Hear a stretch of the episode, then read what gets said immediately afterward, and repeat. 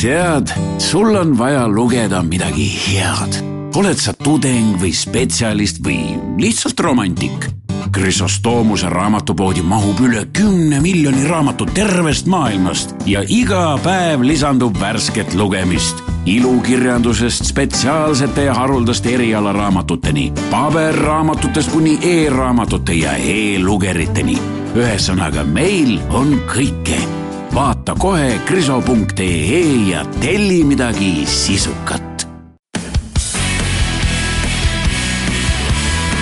Delfi kiirtund. Delfi kiirtund, kiirtund.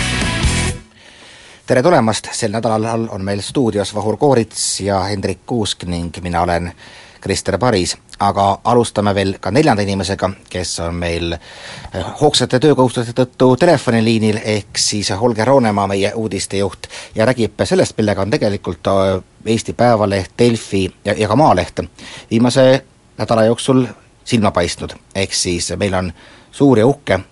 mõjukate projekt, kus me eh, kaardistasime, valisime välja inimesed, kes Eesti elu kõige rohkem mõjutavad. Et eh, Holger, räägi just kõigepealt just sellisest nagu peamisest kriteeriumist, et üks asi on nagu lihtne paika panna, lähed ja küsitled, et keda, keda te tunnete, kes on tuntud, aga selgelt ütleme, mõni meelelahutaja võib olla märgatavalt rohkem tuntud kui tagasihoidlik ärimees, kes kuskil niite tõmbab, et kuidas selline tabel üldse sündis? ohohoo, sa alustad väga, väga keerulise küsimusega kohe. Kuidas see tabel sündis, kõigepealt ma arvan, et ma peaksin alustama sellest, et me jagasime need inimesed erinevate elualade vahel e, nii-öelda ära et me selgitame kõigepealt igapäevaselt välja, et, et kes on Eesti kõige mõjukam poliitik, mis on tänaseks tehtud, kes on kõige mõjukam ettevõtja, äh, nüüd tänases lehes ilmus meil äh, Eesti mõjukamate juristide edetabel, et sellepärast ma ei, ei nõustu see väitega, et mõni meelelahutaja on rohkem tuntud kui, kui näiteks äh, tagaplaanil hoidev ettevõtja. Me tegelikult võrdleme neid inimesi omavahel eluvaldkondade või tegevusvaldkondade sees. aga, aga tõsi on see, et me oleme üritanud selle Äh, metoodika võimalikult laiaks, äh, laiaks ajada, me teeme seda ise esimest korda, mitte keegi teine varem Eesti ajakirjanduse ajaloos minu mälu järgi ei, ei olegi proovinud sellist äh, suurt ülesannet vastu võtta. ja, ja, ja lisaks inimeste nii-öelda tuntusele me arvestame veel palju erinevaid kriteeriume. Näiteks me vaatame, kui palju Google'is on selle aasta jooksul tekkinud nende nimega seotud linke näiteks äh, me vaatame eelkõige, mis ettevõtjate ja ka poliitikute enda poole puhul arvesse läheb, on näiteks annetused parteidele, mis näitab ka nende sellist mõjuhaaret või ulatust äh, poliitikasse. Äh, poliitikute enda jaoks on hästi oluline valijatelt saadud häälte arv. hästi huvitav kriteerium on näiteks mõjuvõrk, kus me oleme proovinud üles need kandidaadid siis järjestada selle järgi, et kui palju nad kuuluvad erinevate oluliste sihtasutuste, MTÜ-de, erinevate nõukogude etteotsa. me oleme ju proovinud jah, võimalikult laia haardega seda asja ette võtta, et, et, et lõppkokkuvõttes ka tulemust omavahel võrreldavad oleksid. no üks huvitav küsimus on alati see, et, et kus, mis on nagu tähtsam, et kas, kas inimene ise oma isiksusega või siis see, kes tema selja taga on, et, et piltlikult öeldes kumb on mõjukam, ütleme, kui võtame mingisugune siis kümmekond aastat tagasi, kas mõjukamaks oli Osama bin Laden või, või George Bush, et üks on inimesena väga palju ära teinud eh, enda eh, eesmärgi nimel, teine eh, on tugev seetõttu, et tema taga on meeletu riigiaparaat, mis suudab maailma mõjutada, et kuidas ütleme, nemad sellises tabelis korreleeruksid ohoh, kõigepealt ma olen täiesti kindel, et me paneksime nad erinevate erinevate valdkondade vahel jagaksime ära, et me ei teeks, Osama bin Laden ei, ei jõuaks poliitika edetabelisse ja George Bush ei jõuaks terroristide edetabelisse aga, aga, aga kui üldededabelis nad kunagi ühel hetkel kokku jõuavad, et siis taaskord ma pean ütlema, et, sul on väga, väga õigus, et et paljude inimeste mõjud on omavahel seotud. ja, ja see on ühest küljest võiks öelda, et, et see ongi selline kana ja muna küsimus, et, et kumb oli enne, et kana või muna, eks. kui, kui te suudate mu mõttekäiku jälgida. aga, aga, aga mida ma tahan ka lisada, et ükskõik kumb, kumb see tulemus ka lõppkokkuvõttes ei oleks, et, et see mõju on selline parajalt nahaalne asi, mille osas ei ole võimalik, et on üks ja kindel ja lõplik sada protsenti paikapidev tõde. et siin jääb alati väga suur, väga suur hulk tõlgendatavust sisse ja, ja, ja sellepärast ei olegi võimalik, et need ei ole nagu olümpiamängud, et kui oled esimene, sa oled esimene. me saame öelda, et, et meie tänase jur-, juristide edetabeli võitis Allar Jõks, aga kindlasti on väga paljudel inimestel erinevaid arvamusi, mõni inimene paneks siia näiteks Riigikohtu esimehe Priit Pikamäe prokuratuuri juhi Lavly Perlingu või, või, või ükskõik kelle teise. no kui me räägime, ütleme, valdavalt edetabeli eesotsas olevatest inimestest, siis noh, üldjuhul on see mõju ikka ikkagi pigem positiivne. mõni inimene on selgelt vastuoluline, kui küsida näiteks Savisaare mõju kohta, Edgar Savisaare mõju kohta, siis on kindlasti, sõltub väga vastajast, kes ütleb, et mõju on positiivne või negatiivne, et kuivõrd üldse see, see nagu nii-öelda panustamine ühiskonna arengusse oli, oli kriteeriumiks või, või tõesti läksid samamoodi sisse need, kelle, kelle mõju võib olla ka ütleme selgelt negatiivne? Jaa, kindlasti mõju on, mõju on erinevad, eri, erinevat öö, sugust, on, on positiivset, on negatiivset, on omakasupüüdlikku, on vastupidi, sellist altruistlikku mõju, millest me oleme lähtunud, on see, et, et meile, et me ei taha ja meie jaoks ei võrdu mõju automaatselt millegi negatiivsega, halvaga. et pigem me oleme üritanud vaadata sellise positiivse, positiivse mõju poole, et ei tekiks kuskil sellist arvamust, et kuskil mõju või mõjutamine, see tähendab kuskil kardinate taga sahkerdamine, halle, väga segaseid kokkuleppeid ja nihverdamist, omakasupüüdlikkust, et see ei ole kindlasti see. mõju on tegelikult väga oluline, vajalik asi, et kui meil Eestis ei oleks mõjukaid inimesi, mõjukaid positsioone, siis, siis me oleksime väga õnnetus seisus no kui ma ise vaatasin seda äh, tabelit, siis mul jäi silma nagu kaks sellist veidike äh, küsimusi tekitavat punkti, üks on kategooria Eesti venelased, et just nagu inimesi kategoriseeritakse esimest korda, noh mitte esimest korda, aga ütleme läbi, läbi rahvuse ennekõike, mitte läbi selle, mida nad teevad, et kõigepealt miks see ja teine, ikkagi äh, naiste osakaal ei ole just väga suur nendes tabelites, et kas see tõesti siis peegeldabki reaalselt sellist noh, naiste, naiste mõju siis ühiskonnale? Jah, kui ma hakkan sellest tagumisest tähelepanekust sul peale, et, et siis tõepoolest naisi on vähem, meil oleks väga hea meel, kui, kui naisterahvaid figureeriks nendes tabelites rohkem uh,. Mul on väga hea meel, et meie kõige esimese edetabeli, poliitikute edetabeli võitis naisterahvas, ka eile riigiametnike edetabelis oli Ülle Madise oli, oli väga kõrgel, oli ta teisel või kolmandal kohal aga mitmetes valdkondades ka, ka see, kui me vaatame täna näiteks juristide edetabelit, on, on naisterahvaid kindlasti vähem, kui, kui, kui neid võiks olla. ja ma väga loodan, et kui me järgmine aasta jätkame seda projekti, mida ma arvan, et me teeme, et siis on ka naiste osakaal juba suurem, ma arvan, et see ongi praegu selline protsess, et, et, et ühiskonnas on, on see teema üleval ma olen täiesti, ja poliitikasse tuleb ka näiteks rohkem naisi, ettevõtlusse tuleb rohkem naisterahvaid, nad jõuavad mõjukamatele kohtadele, ma olen täiesti kindel, et, et, et see peegeldub ka järgmistel aastatel meie edetabelis. Mis puudutab nüüd Eesti venelaste edetabelit, et see oli meie ka teadlik valik jälle, me teadsime, et, et siin võib tekkida, kellelgi võib olla solvumist, võib tekkida ma ei tea, muret või, või hämmingut, võime saada kriitikat, aga aga kui me ka vaatame täpselt samamoodi, et, et kui palju Eesti venelased Eesti ühiskonnas kaasa räägivad, kes on need mõjukad inimesed, minu meelest on see tegelikult nagu pigem võiks käsitleda seda kui kaasaaitavat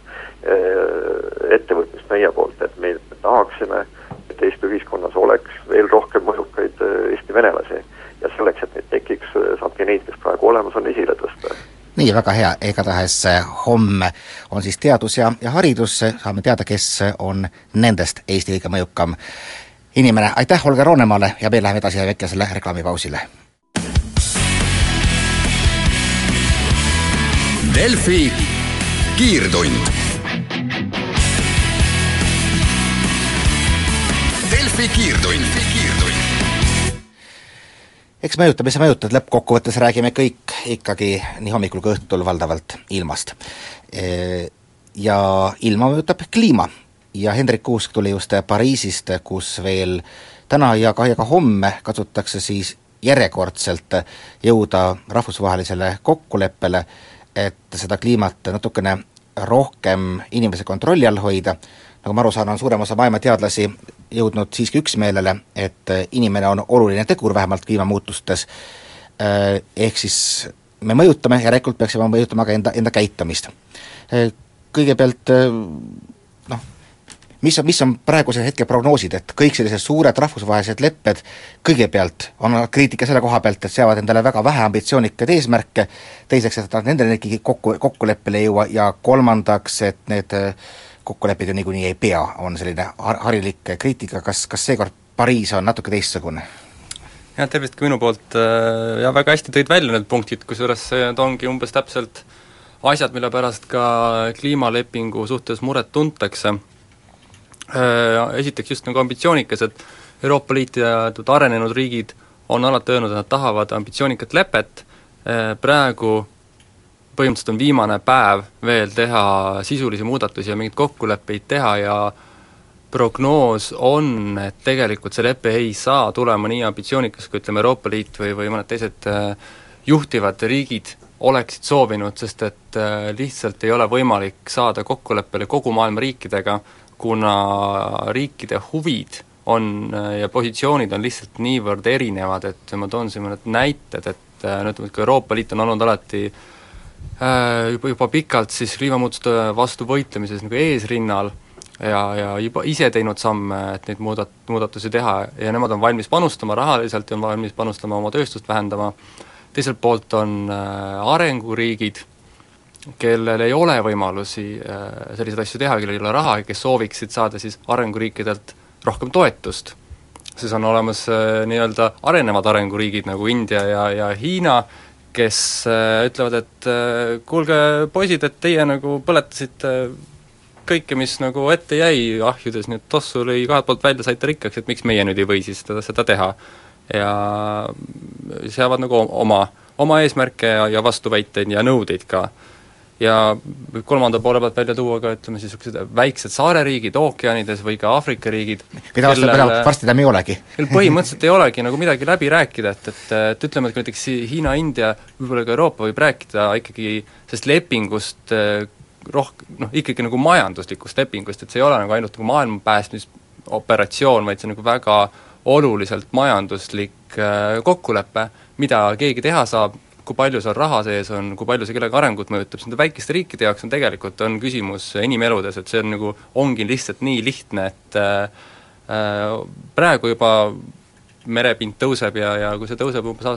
sajandivahetuseks ligi meetri, nagu prognoositakse, siis see tähendab äh, miljonite inimeste elupaiga kadumist, nii et äh, no see tähendab täpselt äh, koht, mis jõuab äh, võib-olla kõigepealt kohale ka Eestile, et no meil siin on tõesti äh, jutud võib-olla halvast suusailmast, aga see pole midagi sellist katastroofilist, mille pärast hakata liiga palju jalgu kõhu alt välja võt-, võtma, samas äh, pagulaskriis on, on juba siin ja, ja mitmed uuringud vi-, vi-, viivad otsete seosteni, küll Süürias olnud põuaga, küll tegelikult ka Aafrikas, ka ütleme, et sama, mis sünnib Darfuris, on väga paljuski e-, elukeskkonna halvemaks muutumine, ehk siis äh, rahvast, rahvaste ränne, mis seab meid väga selge ja kiire otsese surve alla. Jah, tõsi ta on, et äh, eestlased on paraku, ma küll ei suuda ette kujutada, miks, aga ütleme, et äh, keskkonnateemadel üsna tagasihoidlikud oma, oma arvamuses või ei, ei tundu, et meid nagu väga huvitaks, et ei ole meil nagu väga kõnekaid proteste ja ja ka väga tugevaid organisatsioone, kes oli meil kõneks, vabandan Eesti Looduse Fondi ees, kes no on tublid, aga aga jah, põgenike küsimus on nagu see, mis eestlased võib-olla käima tõmbab, et et kui me praegu võime mõtelda, et noh, et mis seal Süürias toimub, et mis ei ole meie asi või, või ei ole selles süüdi, võib-olla, aga noh, ütleme, et kui me võtame näiteks sellesama saareriigid, inimesed, kes seal kodudest ilma jäävad, sest et seda kodu enam ei ole olemas, siis me mõtleme, et kas me oleme selles süüdi, jah, oleme küll, lähme Ida-Virumaale, vaatame neid korsteid, mis seal toimub, vaatame, mis sealt välja tuleb, et see on täpselt see üks osa sellest vastutusest, mida kõik riigid kannavad, sest et õhk on meil sama. no täpselt, ütleme kesk-, või niisugune põlevkivipoliitika on just selline koht nagu, mida siis Eesti toob välja, sellele nagu kõik ülejäänud riigid ütlevad, et jaa, põhimõtteliselt on ju kõik õige, aga meil on üks väikene spetsiifiline valdkond, kus me ei tahaks nagu väga kokku, kokku tõmmata, eri riikidel on erinevad ja Eestil on siis selgelt äh, põlevkivipoliitika, ütleme noh, küllap äh, väga paljuski sotsiaalmajanduslikel põhjustel, avatud turu tingimustes minu meelest ei ole ta väga õigustatud, Äh, teisest küljest Eesti ütleb, et aga me oleme täitnud kõik nagu äh, normatiivid, ehk siis äh, meil on taastuvenergeetika hulk juba praegu vist viiendiku peal, enne kõvasti igasuguseid tähtaegu, mis, mis Eestile seati, et, et noh, just nagu oleme paberi peal kõik ära teinud, et ja, ja, ja kui me tuletame meelde, siis eelmised kliimalepped andsid Eestile pigem hoopiski kasu, kuna need võrdlusmomendid olid äh, perioodidega, kus Eesti Nõukogude ajal väga palju saastas, et meie olime pigem nagu saastekvoodi müüjad selle juures, et me jätkasime hirmsasti saastamist. et kuivõrd sa oled üldse näinud, et noh, et kui me tuleme väikse enda kodu juurde, et, et, et Eesti on valmis noh, kandma mingisugust lühiajalist äh, majanduslikku kahju või survet selle nimel, et siis tõesti päästa planeeti no see on äh, kindlasti otseselt poliitilise tahte ja otsuse küsimus, et mis saab põlevkivist Äh, selle koha pealt, et jah, et Eesti on olnud äh, paberi peal tubli, tegelikult äh, Eesti on Euroopa kõige suurem saastaja per inimese kohta siis nii-öelda, et see on tõesti võrrelduna üheksakümnenda aastaga näeb hea välja, kui palju on vähendanud olema, aga aga meie põlevkivitööstus saastab väga palju. Jaa, siin lähiaastatel on vaja teha selgelt äh, poliitiline otsus, mis saab põlevkivitööstusest, kuidas me edasi läheme, et praegu tegelikult on just vastuvõtmisel äh, Äh, siis maapõue arengukava, kui ma nüüd õigesti nimetasin, noh, et äh, mis tegelikult ei anna selgeid suuniseid, mis edasi saama hakkab, aga noh, äh, tulevikuperspektiiv on ikkagi pikem kui see, kui see arengukava, et, et ütleme, et ootame siis vähemalt järgmisest arengukavast väga selget äh, otsust, mis saab põlevkivist, sest et äh, isegi kui nüüd Pariisist tuleb nii või naasugune leping, siis Euroopa Liit on võtnud enda kohustused ja äh, sajandi keskpaigas äh, peab olema meie CO2 emissioon niivõrd palju väiksem, et me lihtsalt ei ole võimelised seda põlevkivi niimoodi ahju lükkama, nagu praegu on ja ja tegutseda tuleb pigem kohe kui hiljem. jah, üks on põlevkivi, teine, teine on autod, kõik, kõik see muu, muu saastamine äh,. Iga kord, kui on taolised suured üritused, mis puudutavad kuidagigi globaalseid probleeme äh,, on kohal ju suur hulk meeleavaldajaid, kõikvõimalikke huvigruppe, kes, kes tulevad suret avaldama, no valdavalt siis selle poolt ikkagi, et ütleme, ärimaailmal ja poliitikutele, korporatsioonidele pi-, päitseid pähe panna, seekord eh, oli väga muljetavaldav, vähemalt piltide põhjal, mida mina nägin, võib-olla see nägi koha peal paremini, olid need mahajäetud saapad kohtades, kus miitingud eh, ära keelati turvakaalutlustel pärast Pariisi terrorirünnakuid, et kuivõrd nende inimeste hääl praegu üldse kuuldaval oli, et nad ei olnud kuskile surutud okastraadi taha kaugele eemale jah, see on tõsi, et üks asi, mida kindlasti see konverents annab, on, on ta annab võimaluse rääkida ja, ja valjuhäälselt äh, adresseerida siis neid probleeme, äh, sealsamas on meeletu konverentsiala, et iga poole tunni tagant seal siis vahetus nii-öelda mingisugune grupp, kes käis oma sõnumeid edasi ütlemas, tavaliselt see piirdus üsna vähe, väikese inimeste hulgaga, aga ma näiteks eile külastasin ühte suurt äh, keskust, sellist angaari nii-öelda, kus siis algavad, kui noh, põhimõtteliselt see on nagu mässukodu, et äh, inimesed tulevad sinna, niisugused äh, kui te kujutate ette oma vaimusilmas keskkonnahipid, siis need seal täpselt ongi nii, väga hea, see on väga põnev koht, see on väga põnev koht, kus, kus pooleli jääda, kuulata ära väike reklaam ja uudised. Delfi kiirtund. Delfi kiirtund Vahur Koorist, Hendrik Kuusk ja Krister Paris. jäi jutt pooleli põneva koha peal ehk mässupesast. ehk Hendrik tuli just Pariisist, kus on käimas veel täna ja homme kliimakõnelused ja, ja nende juurde on kogunenud ka, ka siis erinevate huvigruppide esindajad ja protestijad. no mina olen näinud mm, selliseid tõsiseid radikaalseid protestijaid eh, omal ajal, kui olid näiteks NATO eh, vastased või siis globaliseerimisvastased protestid Prahas, kus no kokkuvõttes läks ka, ka esi päris inetust kätte, läks akende purustamiseks, kuidas, kuidas pa-, pa-, Pariisis siis need meeleolud on? Jah, et tegelikult just tänu nendele õnnetutele terrorirünnakutele ja, ja politsei mm, kohalolekule kõikjal on, on kogu Pariis, Prantsusmaa väga ettevaatlik ja see märgatavalt segab ja häirib siis äh, ka kliimameeleavaldajaid, et äh, nad on väga ettevaatlikud ühe koha pealt, tehakse nii-öelda isegi koolitused, mida teha, kuidas teha, mis on lubatud, mida teha siis, kui juhtub nii ja, ja sellised asjad nagu mängitakse täiesti läbi, mm, aga nad on noh, ise üldiselt nagu pettunud, et nende õigusi avaldada meelt ja ütelda midagi piiratakse, et kui keelatakse ära nii-öelda protestid, et, et et see on nagu väga, väga suur probleem ja selline huvide nii-öelda konflikt või et, et noh, et üks pool tahab öelda, teine, teine nagu justkui ei luba. aga noh, samas ega, ega see nagu neid ei häiri ka, et, et seesama koht, kus ma, mida ma nimetasin,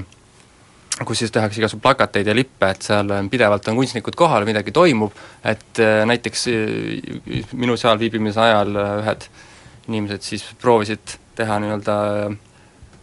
äkkbarrikaadi kor-, korraks tänavatele sellistest täispuutavatest kastikestest ja paar korda seda proovisid ning selle aja peale juba oli politsei kohal, tuldi sinna, tehti dokumendikontroll, käidi korraks jaoskonnas, tuldi tagasi, avati šampanja ja, tegeleti edasi, et äh, et sellega oleks arvestatud ja see toimub, see juhtub, et noh, isegi on nagu nii-öelda vandenõuteooriaid selle kohta, et alati on kusagil üks politseinik ja samamoodi ka nendel suurtel, suurt meeleavaldust plaanitakse nüüd äh, umbes nädala pärast, et siis et äh, kui keegi meeleavaldajatest ise ütleme siis äh, ei, ei tee midagi seadusvastast või midagi sellist, mis peaks äh, algatama politseipoolse aktsiooni, siis äh, võib-olla on seal rahva seas keegi, kes seda, kes seda nii-öelda kasu peale teeb, et seda ettevõtmist nii-öelda naeruvääristada või vähem tähtsustada, aga noh, see on selline äh, aktivistide vandenõu. no ütleme, kui siis nojah, sellesama teooria järgi siis nii-öelda tõsine töö käib ikkagi äh, seal lips-, lipsustatud härrasmeeste äh, ja daamide poolt, et kui me alguses rääkisime, mis on sellised lootused ja ootused, siis jäi kuidagi jutt pessimistlikuks, aga noh, mis siis on ikkagi see, mis täna tundub tõenäoline, mis Pariisis tuleb? jah, et eile kell kolm siis esitati järgmine nii-öelda mustand sellest lõpptekstist, mil, mis see lepingu tekst võiks olla, ja ega seal palju kokku leppida ei olnud, väga palju lühemaks sai see tekst tehtud, umbes kolmandiku võrra, ehk see tähendab seda, et iga nii-öelda punkti juures on erinevad võimalused, variant üks, variant kaks, variant kolm nii-öelda, ja siis neid on nagu vähendatud, aga lõplikku teksti, kus oleks nagu kindlat, nagu ikkagi ei ole, põhilised küsimused on rahastus, esiteks äh,, siis äh, ikkagi selle lõppeesmärgi kohta, et kui palju me peame suutma siis vähendama seda maailma soojenemist, kas see on äh, vähem kui üks koma viis kraadi sajandi lõpuks, üks koma viis või kaks kraadi, isegi selles ei ole ju suudetud veel kokku leppida. Mm,, kas me tahame süsi, süsihappegaasi vähendamist või täiesti äh, süsinikuvaba majandust, et see on üks väga põhimõtteline küsimus, millele ei ole leitud kokkulepet. Ehk siis äh, põhimõtteliselt ongi, mida, mida vähem jääb aega, seda väiksemaks jääb tõenäosus, et sünnib äh, tõeliselt hea ja ambitsioonikas leping ning seesama mure on, äh, on olnud siis ka Euroopa Liidul praegusel hetkel, et see ei ole nii ambitsioonikas, kui nad tahaksid, aga noh, lootust veel on, aega on üks päev, ööd läbi käivad läbirääkijad pimedates ruumides edasi ja sosistavad. ma kuulan sind ja mõtlen, et läbirääkijad ühel pool protestid, teisel pool tegelikult taandub väga palju ikkagi inimesele, et, et ma mina proovisin enda jaoks mõelda, et kuidas saaksin mina näiteks midagi teha, kus ma juba noh, üritan käituda nii keskkonnasäästlikult kui võimalik, kasutada võimaluse korral ka ühistransporti, kodu on nii palju soojustatud kui võimalik, et valdavalt ma ikkagi käitun noh, kui ma käitus ka teadlikult loodust säästvalt, siis ma käitus tänu, tänu oma rahakotile, et vot, vot Vahur, sa oled nüüd siin meid kuulanud Äh, kas sa suudaksid lambist öelda, et vot ma praegu äh, oleksin nõus tegema seda, seda, seda veel, et selleks, et, et kliima äh, vähem soojeneks, ütleme siis nii, tagasi, tagasi ei pööra? ega ühe inimese tegudest ei sõltunud ülemäära palju selles küsimuses, et eks neid erinevaid skeeme ja plaane on tehtud ja keegi ka nendest äh, vastuargumentidest on äh, Hendrik siin natukene rääkinud, et äh, mida kasutatakse. tuleb nagu nentida, et kui ühel inimesel on keeruline siin isiklikus plaanis midagi teha, sellepärast et selle nagu mõju oleks väga väike, et et ainus, mis on, on noh, mõnes mõttes on ikka mitmesuguseid erinevaid selliseid asju, mida näo soovitatakse, loetakse CO2 ja igasugu muud, aga mm, see CO2 lugemine on ka natukene ebatäpne, sellepärast et ütleme, kui autodele näidatakse neid CO2 äh, heitmeid ja meie Volkswagenit mäletame. Ja, ja siis äh, lennukitele ja kõigil muul, siis peaaegu võimatu on arvutada välja seda, kui palju seda CO2 läheb selle auto enda tootmisel mida tuleb ka arvesse võtta või kui palju läheb lennuki tootmisel või et eks need kõik need nagu äh, arvutused on selles mõttes natuke vigased, et ikkagi mina olen seda meelt, et kõige parem asja nagu e, ressursimahukuse näitaja on hind. et kui ikka miski on kallis, siis on sinna läinud palju ressurssi sisse, kui miski on odav, siis on vähe läinud, et osta odavamaid asju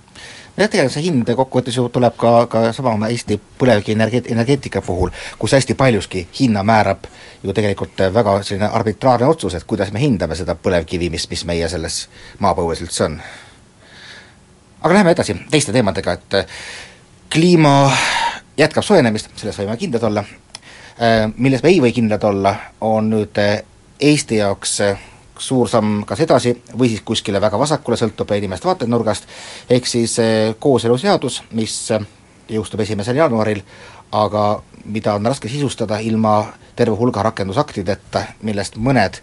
vajavad suisa Riigikogu enamuse ehk siis eh, viiekümne ühe saadiku poolehoidu kõige vähemalt, et nad saaks vastu võetud. ja antud hetkel on täpselt isegi ei mäleta, aga üle kahesaja kuuekümne parandusettepaneku, suur, suur osa nendest tehtud EKRE poolt teadlikult,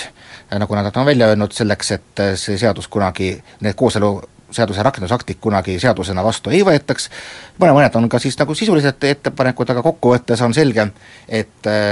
praeguses olukorras ei ole väga tõenäoline, et mingil juhul see,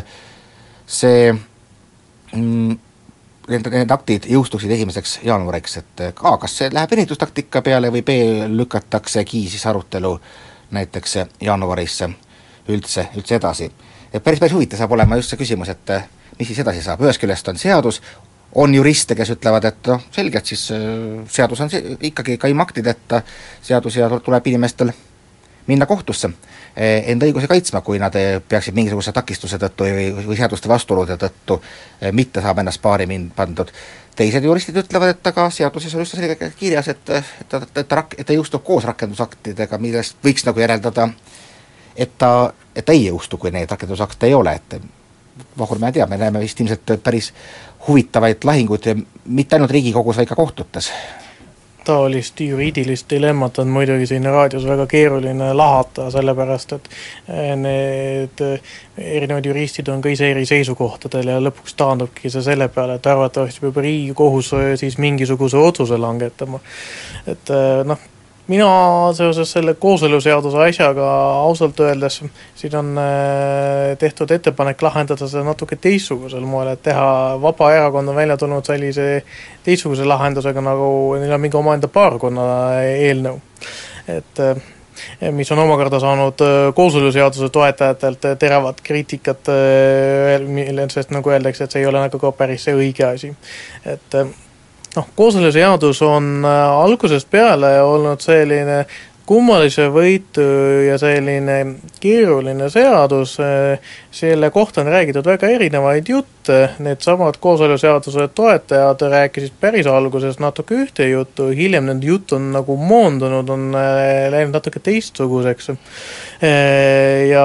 selle kooseluseaduse nüüd selle vastuvõtmine, kui seda eelmisel aastal vastu võeti, noh hästi napilt läks, kui me nüüd mäletame, et see oli ka nüüd ka selline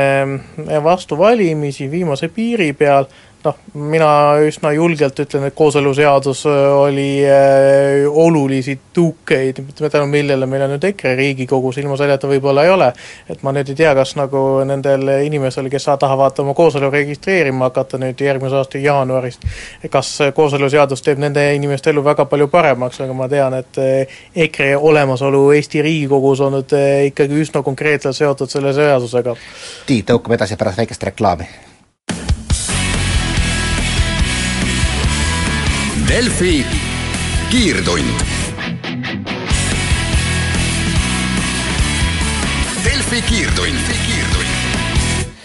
Vahur esines enne siin äh, reklaamipausi päris sellise noh, provokatiivse mõtteavaldusega, et äh, põhimõtteliselt tahtes paremat, saite võib-olla hoopis halvema, ehk siis äh, äratasite nii-öelda tumedad jõud ja, ja, ja tõite, tõite EKRE parlamenti sellega, et äh, võib-olla valel hetkel äh, Äh, hakkasite taotlema äh, siis äh, ko-, ko-, kooseluseadust, et no umbes noh, samasugune mõtteviis tegelikult ju, ju noh, me näeme seda ka, ütleme, mis puudutab Inimõiguste Keskuse tänavatatud raportis on ka toodud välja just nagu seda vihakõnet ja ja ja, ja rassistlikke rünnakuid, et ka neid on muutunud aasta jooksul selgelt, selgelt nagu roh-, neid on tekkinud rohkem ja, noh, selgelt on põhjuseks siis ütleme, rändekriis, kriis, kriis Euroopas, nii et, et mingisugune tõepõhi selle muidugi all on, iseasi, et noh, ma, ma kuidagi tahaks nõustuda selle, ise selle väitega, et peaks ennast äh, kartuses tekitada vastasjõudu, tagasi hoidma selles, et, et äh, et ajada taga enda õigusi. See ei ole isegi minu argument, et äh, kooseluseadus aitas EKRE-l saada Riigikogusse, seda räägivad EKRE inimesed ise, et äh, sellest oli väga palju abi et äh, tegelikult kooseluseadusega on seda ähm, muret rohkemgi. et äh, ma ikkagi tuletaks meelde seda, kuidas, äh, kui seda hakati tegema ka eelmise aasta kevadel Imre Sooäär ja veel mõned inimesed, kes seda kõvasti lükkasid tagant,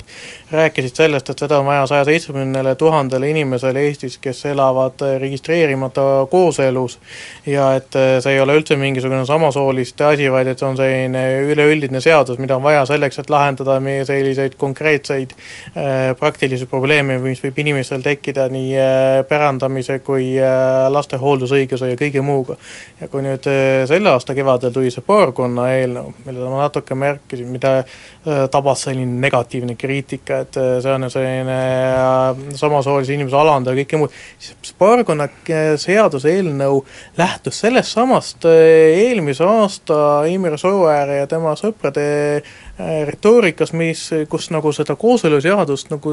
müüdi sellise äh, praktilise, tehnilise asjana, mitte moraalse otsusena, et kas toetada samasooliste inimeste võrdõiguslikkust ühiskonnas, vaid seda müüdi praktilise, tehnokraatliku asjana. ja siis äh, vastuseks tehtigi selline praktiline tehnokraatlik eelnõu, millega lahendati justkui ära needsamad nagu tehnokraatlikud küsimused. et see kooseluseadus, on ta nüüd hea seadus või mitte, mina ei ole seda lugenud, mul on sellest suhteliselt ükskõik, ma olen Eestis võib-olla ainus inimene, kel on kooseluseadusest tegelikult täiesti ükskõik.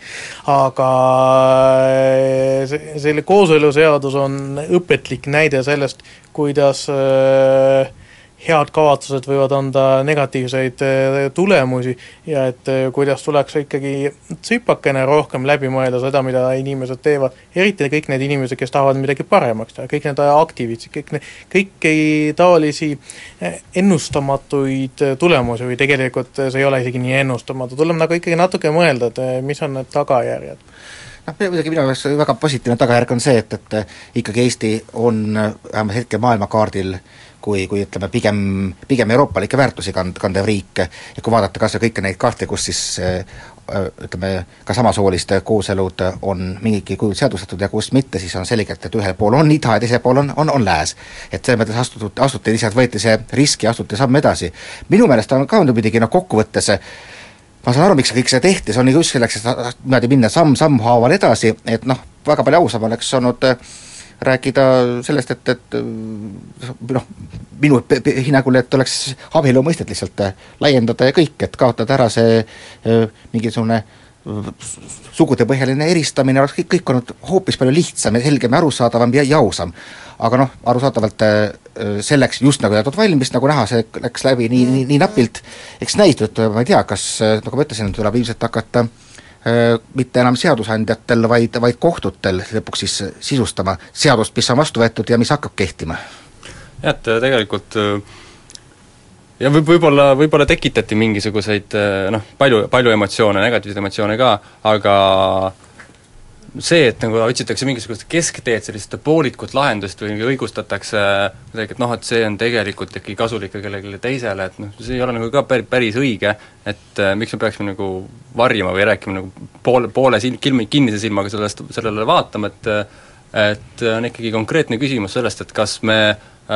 armastame ja lubame armastada kõiki inimesi võrdselt või ei tee seda, et äh,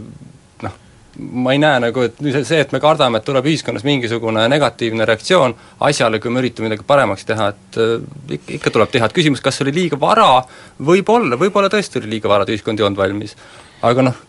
karta nagu ka... EKRE-t on ka natukene ma just loodan järgmine nädal panna lehte, ma tegin väga huvitava intervjuu, ma tegin juba natuke eelreklaami äh, kahe Kanad-, Kanadast pärit aktivistiga, kes, no Kanadas on juba äh, ka samasoolist abielu juba äh, nüüd üle kümne aasta olnud ja nad tõid välja selle, mis juhtub kõikide taoliste nagu lõhestavate küsimustega üldiselt. et äh, tolerants pärast seda, kui inimesed näevad, millega tegemist on, kasvab märgatavalt, niisamuti üldiselt ka, ka ütleme näiteks sisserändajate suhtes ja, nii edasi, kuigi jah, vastureaktsioonid tulevad ka, et nagu, nagu nad just ütlesid, et ka sel, näiteks viimase aasta jooksul on äh, vihakuritegude hulk, mis on küll Kanadas võrreldamatult väiksem mõne muu riigiga võrreldes, aga on, on, on kasvanud jällegi, et kõik see, need sellised suured pinged annavad ennast igatepidi tunda tegelikult on õigus Varro Vooglaiul, kes ütles, et kooseluseadus on selline rahvahääletus selle üle, et kas homoseksuaalsus on normaalne või mitte. ja taolisel moel, ma olen selle seisukohaga nõus, taolisel moel oleks mõnes mõttes võinud seda ka nagu väljendada, selle asemel, et seda kuidagi peita või varjata või seda nagu mässida mingisuguste imelike konstruktsioonide sisse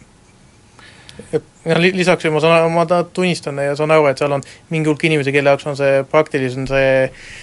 praktiliselt oluline ja see on ka selline koht, kus me võime, Eesti ühiskond võib tõesti leiuda järeldusele, et me oleme nüüd oma eluga jõudnud nii kaugele, et meil on aega ka selliste võib-olla mitte enam äh, niivõrd äh, elu, noh, kriitiliste küsimuste lahendamise juurde, keegi ei ole otseselt näljas, keegi ei ole otseselt suremas, aga lihtsalt inimeste elukvaliteedis on küsimus. selles mõttes jah, et noh, väga paljuski oli ju ka kriitikat näiteks selle üle, et, et see protsess just nagu polnud väga demokraatlik ja puha, no ma ei tea, minu meelest pole, on vähe seadusi Eestis, mis pälvivad niisugust arutelu ja diskussiooni, kui, kui oli kooseluseadus, et väga palju meie elu, elu päris tõsiselt mõjutavad seadused, seesama maapõueseadus, millest sa rääkisid, tulevad suhteliselt niimoodi avaliku dis-, diskussioonita. ja nüüd, kus EKRE näiteks on lubanud kasutada obs-, obs-, obstruktsionismi, no jumala eest, tegelikult on, see on normaalne parlamentaarne praktika ja, ja me noh, ja parlamendi koosseis on muutunud, nii et iseenesest ma loodan, et see ma isiklikult loodan, et see jõuab läbi, läbi demokraatliku protsessi selle tulemuseni, et, et et saab edasi minna, et järg- ja aasta pärast me enam ei mõtle selle peale. jah, et tõesti oleks natukene kahju, kui, peaks minema seda teed, et et üks Äh, ma ei tea, näidispaar siis või, või et keegi peaks läbima selle kohtutee ja läbi, ja kohus peaks siis otsustama justkui, et kas see nüüd on Eestis äh, lubatud õiguslik, mida teie teha tahate. kui see pretsedent tuleb, noh, kumb pidi, eks siis ilmselt nagu anna, annab selle suuna kätte, aga äh, noh, ma, ma ei usu, et keegi tahaks enda kooselu sellisel viisil äh, siis äh, seadustada mõttes on jah, nagu kurb, tegelikult minu jaoks, et need inimesed peavadki olema just nimelt äh, aktivistid, et kui mina tahan abielluda naisterahvaga, ma ei pea olema aktivist selleks, et seda endale saada, nemad peavad kõige elementaarsemaid võitlusi veel, veel endale välja, välja võitlema, aga et noh, isiklikult ma näen, et igasugune selle vastane võitlus ju on natuke võitlus tuuleveskitega, et ajaloo arengud on pigem taolised, et, et see mingi hetk tulevad võrdsed õigused kõikidele paaridele, siin pole eriti, eriti nagu pääsu, et me võime küll noh, viivitada, aga see on kaotatud lahing. nii, nende sõnadega siis võtame kokku tänase Delfi kiirtunni, aitäh, Vahur Koorits, Hendrik Kuusk ja mina olin Krister Paris, jälle kuulmiseni nädala pärast. Delfi kiirtund. Delfi kiirtund.